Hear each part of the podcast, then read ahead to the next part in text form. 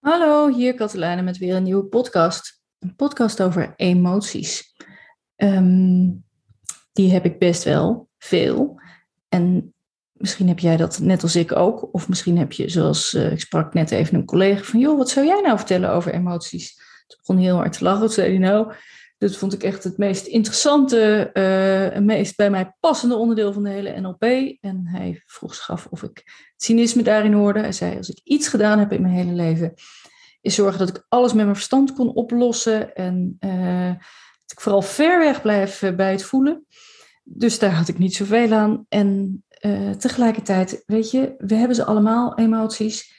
En ik werd eergisternacht om een uur of twee, denk ik. Ik neem mij altijd voor om s'nachts niet op de klok te kijken als ik wakker ben. Maar mijn gevoel zegt dat het een uur of twee was. Ik werd wakker en ik was kwaad. Ik was boos. Ik was echt. ik kan er nu om lachen. Ik was, ik was opgefokt, ik was druk, ik was. En, en, en waar het van kwam, ik nam gewoon het eerste wat in mijn hoofd kwam, wat niet gelopen was zoals ik wilde dat het liep. En dat was de boosdoener. Letterlijk, mooi woord, boosdoener. En daar kwam het van.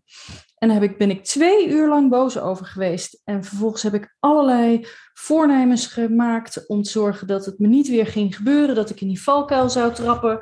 Dat die persoon uh, dat van mij kon. Uh, uh, nou, dat, dat ik ging meebewegen met wat die persoon van me wou. Wat ik eigenlijk zelf niet wou. Waardoor ik over mijn eigen grenzen gegaan was. En na twee uur, uh, en tussendoor probeerde ik zo af en toe een ademhalingsoefening te doen om mijn lijf te kalmeren. Omdat ik dacht, Lijn, als er iets niet werkt, is dit het? Dat weet je toch? Je weet toch dat het niet werkt om met die emotie mee te gaan. Dus doe iets anders. Nou ja, uiteindelijk 20 voor 5 dacht ik, ik kan nog twee uurtjes meepakken. Dus ik heb uh, mijn wekker wat later gezet. Ik viel weer in slaap en de volgende ochtend dacht ik, waar was ik nou mee bezig? Nou, misschien ken je dit en misschien is dit wat extremer dan hoe jij het kent. Dat kan ik me reuze goed voorstellen. Dit was ook extremer dan hoe ik het ken hoor. Dus ik dacht, wat is dat toch dat ik nu zoveel met boosheid heb? En boosheid ligt weer heel dicht bij onmacht voor mij in elk geval. Toen dacht ik, oh ja, weet je, ik ben weer zo'n soort nieuwsjunk van... Gaat de wereld weer open? Mogen we weer meer? Ik voel machteloosheid. Ik voel Ah, ik vind sommige regels en maatregelen stom en toch weer logisch of niet logisch. En terwijl ik dit vertel, voel ik het in mijn buik alweer als een balletje opkomen. Dus er was gewoon heel veel wat te maken had met, met machteloosheid en boosheid. En uh, nou, dus zat mijn brein lekker op de, uh, op de rotonde gewoon uh, steeds weer hetzelfde loopje te nemen. En dacht, als ik dit heb, ben ik vast niet de enige. Zijn er vast ook andere mensen die het hebben dat ze specifiek nu misschien, maar in zijn algemeenheid, wel eens uh, dat de emoties meer de baas zijn dan dat jij de baas bent. Dus ik ga eens een podcast maken over hoe zit dat nou met de emoties. En niet uh, omdat ik er alles van weet, ja, ik weet er veel van, maar niet omdat ik nou uh, expert ben in uh, altijd maar zen zijn, dus in alle emoties onder controle. Maar wel omdat ik denk dat, uh, dat het vatten wat er nou gebeurt, helpt. Als ik het niet gevat had, dan was het na die twee uur en de volgende ochtend niet over geweest. Dan had ik mijn lijf tijd gegeven om maar in die overactivatie van dat autonome zenuwstelsel te blijven zitten. En dan uh, had het allemaal veel langer geduurd. Alleen dan had ik het op een gegeven moment niet meer boos genoemd, want je kan niet eindeloos boos blijven. Dus dan appt dat weer weg en komt het weer terug en appt het weer weg en komt het weer terug en voel je je narig. En langzaam maar zeker wordt het dan vervangen door moe of verdrietig. Of, en, en uiteindelijk ben je dan wel een speelbal van al je emoties.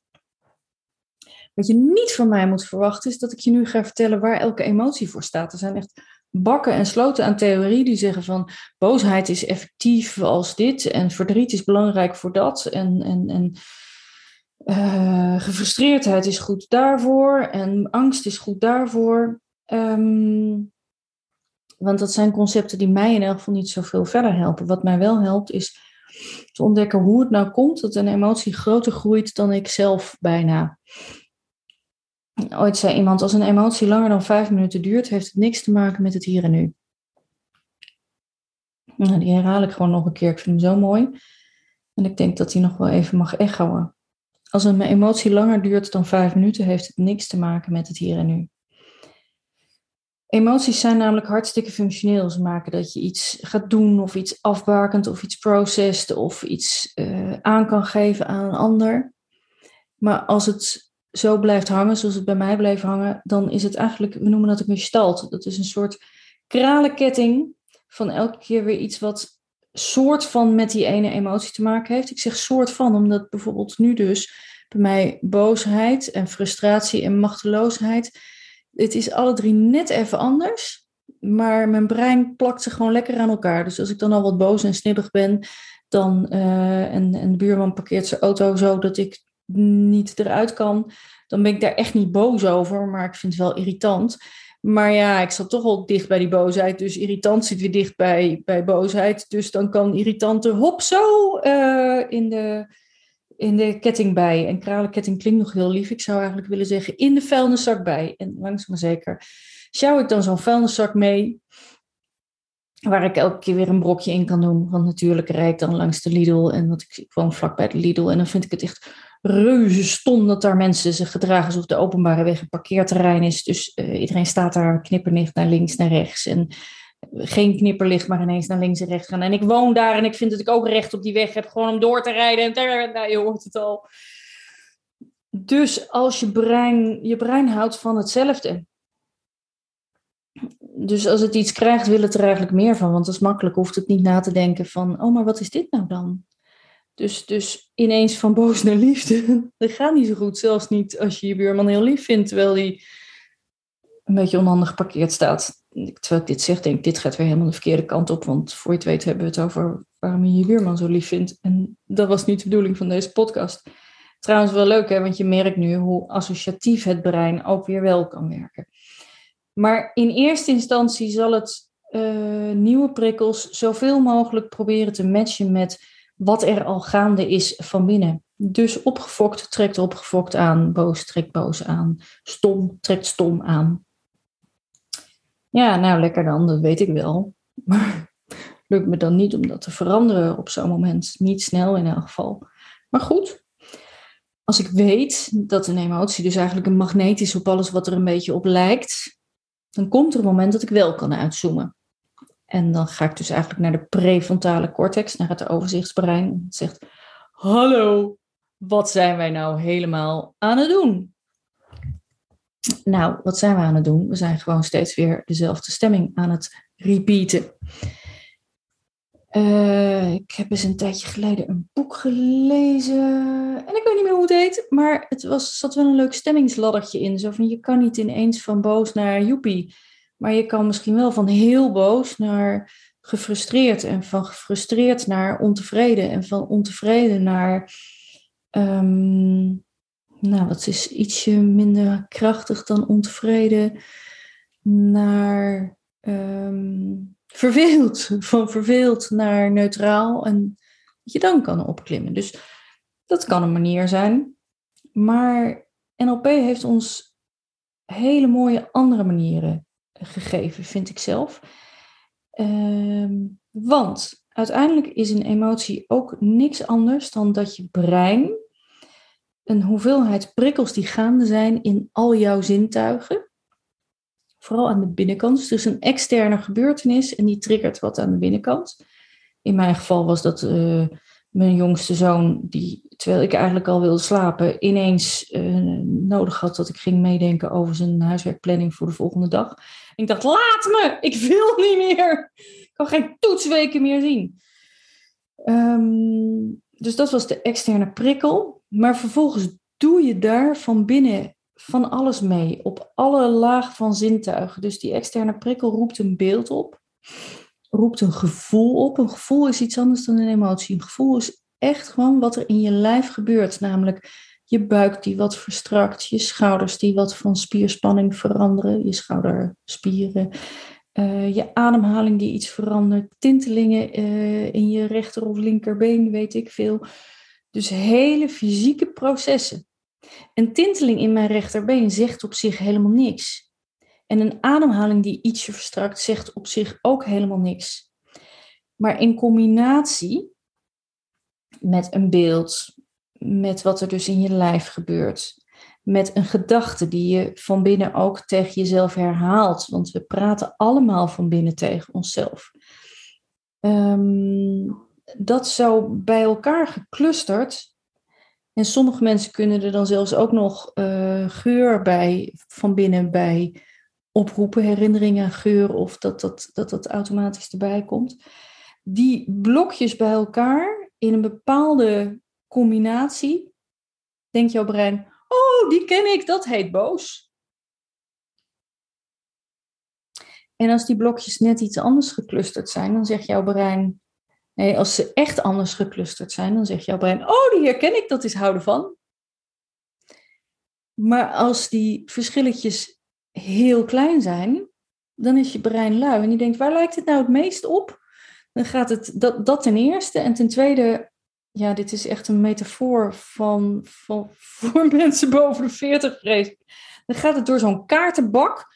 Vroeger hadden we een kaartenbak met allemaal kaartjes waar dan adressen op stonden. En de meest gebruikte adressen of de meest gebruikte dossiers, die waren uh, ja, het opvallendst, want gekreukeld, een beetje vettig, die zijn vaak gepakt. Nou, zo doet je brein ook. Die denkt, oh, maar die, die staat vooraan of die heb ik het meest gebruikt, die valt het meest op. Nou, daar lijkt het op. Dus weer, er vindt een soort vergelijking van binnen heel snel plaats. Al deze bouwsteentjes bij elkaar, waar lijkt dat het meest op, wat ik het beste ken? Oh, dat is dat, dan heet het nu boos. Ik doe het nu even over boos, hè, maar het kan dus ook over verdriet. Het kan ook over angst bij angst gebeurt gewoon precies hetzelfde. Als mensen een angststoornis hebben, dan zijn ze, kunnen ze zelf vaak ook wel bedenken. Angststoornis is ook weer zo groot. Als mensen snel bang zijn. Oh, doe ik het wel goed? Oh, is mijn kind niet in gevaar? Oh, ik hoor een ambulance. Oh, ik heb de voordeur niet op slot gedaan. Oh jee, oh jee, oh jee, oh jee. Dan weten ze op een gegeven moment hun hoofd wel, slaat eigenlijk nergens op. Maar dat loopje van een externe prikkel die van binnen iets in je lijf oproept, waar een beeld bij hoort, waar je dan ook nog een, iets tegen jezelf in zegt of over denkt. Veel mensen denken dat ze denken, maar eigenlijk praten ze tegen zichzelf. Bij elkaar gaat dan tjoep in het bakje angst. Dus de valkuil is dat we zo graag willen weten waarom ben ik boos? Of waarom ben ik bang. Omdat we dan soort van denken, dan moet ik die prikkel wegnemen. En dan verdwijnt de emotie. Dus ik ben nu boos omdat mijn, en dit deed ik dus s'nachts ook, omdat mijn zoon op het moment dat ik eigenlijk gewoon mijn brein uit wil, ik ben moe van de dag, ik vind het allemaal even helemaal goed. Uh, ik heb ook ooit eens een regel gegeven, na acht uur s avonds doe ik geen schoolwerk meer. Gewoon, ik heb nodig om te unwinden. Dus ik wil er niet meer aan hoeven. Uh, en dan staat er ineens een, een, een, een piepootje voor me met uh, paniek en kunnen we morgen dit en dat en dat en ik moet weer aan.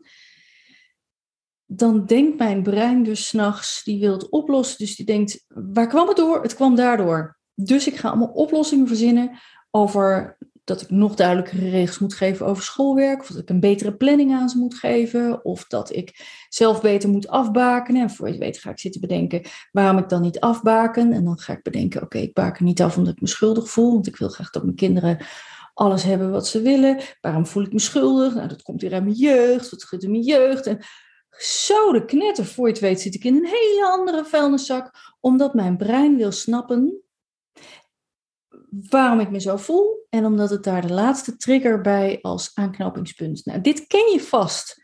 Dat heet piekeren. piekeren klinkt zo neutraal alsof je gedachten hebt, maar dat, dat is overmatig denken, denken, denken, analyseren. En met een soort illusie dat het uiteindelijk daarmee opgelost wordt. Maar het wordt niet opgelost omdat die bouwsteentjes in je lijf niet veranderd zijn. En omdat die ja, een soort van netwerkorganisatie, dat als die bouwsteentjes van binnen nog steeds hetzelfde zijn, jouw brein nog steeds denkt, dan gooien we het dus in dat bakje. Dat hele proces is niet veranderd. Wat mij nou leuk leek, en als ik het leuk vind, doe ik het meestal wel, dus dat ga ik doen. Ik ga uh, een, een reeksje uh, podcasts opnemen over hoe je dit van binnen nou anders kan gaan doen. Dus ik pak uh, een aantal emoties. En je kent me een beetje, dus als ik nu precies ga zeggen hoeveel welke, dan, dan blokkeert het al mijn creativiteit. Dus ik hou nog wat kleine slaagjes om de arm, slagjes, slagjes, whatever, iets om de arm.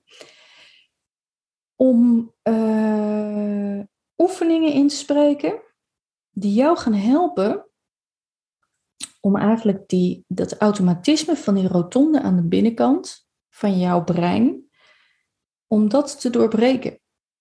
En nu noem ik het een rotonde. Ik vind de rotonde eigenlijk nog best wel rustig klinken. Ik vind het meer, soms is het, die nacht voelt het als een flipperkast.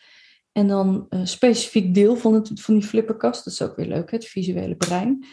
Um, ken je die oude flipperkasten nog, waar dan ergens zo bovenin zitten er van die, van die rondjes, van die, van die ronde knoppen.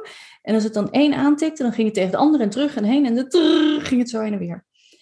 En uh, daar hoeft je helemaal niks voor te doen. Nou, dat is eigenlijk ook als je vast zit in je brein, dan blijft dat maar steeds heen en weer te gaan.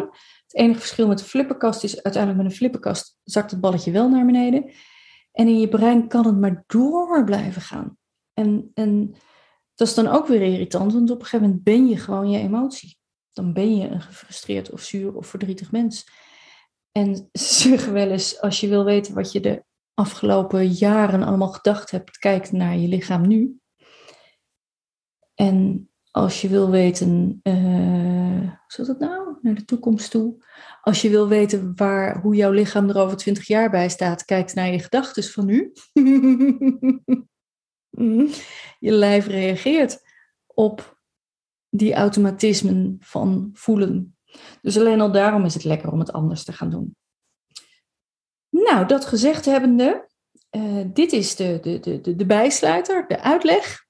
En uh, mijn intentie is om uh, de komende tijd elke week een, een podcast op te nemen denk dan, ga ik zeggen elke week. Maar misschien luister jij deze podcast wel uh, over een jaar pas, als dat ik hem al lang uh, gemaakt heb. Nou ja. Anyway, ik ga uh, de komende tijd voor iedereen die het live vers van de pers luistert, ga ik de komende weken dus die, die podcast over verschillende emoties opnemen. Waarom? Omdat ik het leuk vind, omdat ik denk dat jij er wat aan hebt en omdat ik ook denk dat in deze tijden van reuring en zijn we er nou nog niet of zijn we er wel en als we er dan zijn blijft het en die enorme opgebalde energie die heel veel mensen hebben omdat ze weer volop willen leven of juist die volkomen weggelopen energie van mensen omdat het maar steeds toch weer net niet mag dat het hartstikke lekker is om op deze constructieve manier bezig te zijn met wat je allemaal voelt en wat dat in je lijf en in je leven doet. Dus tot de volgende podcast.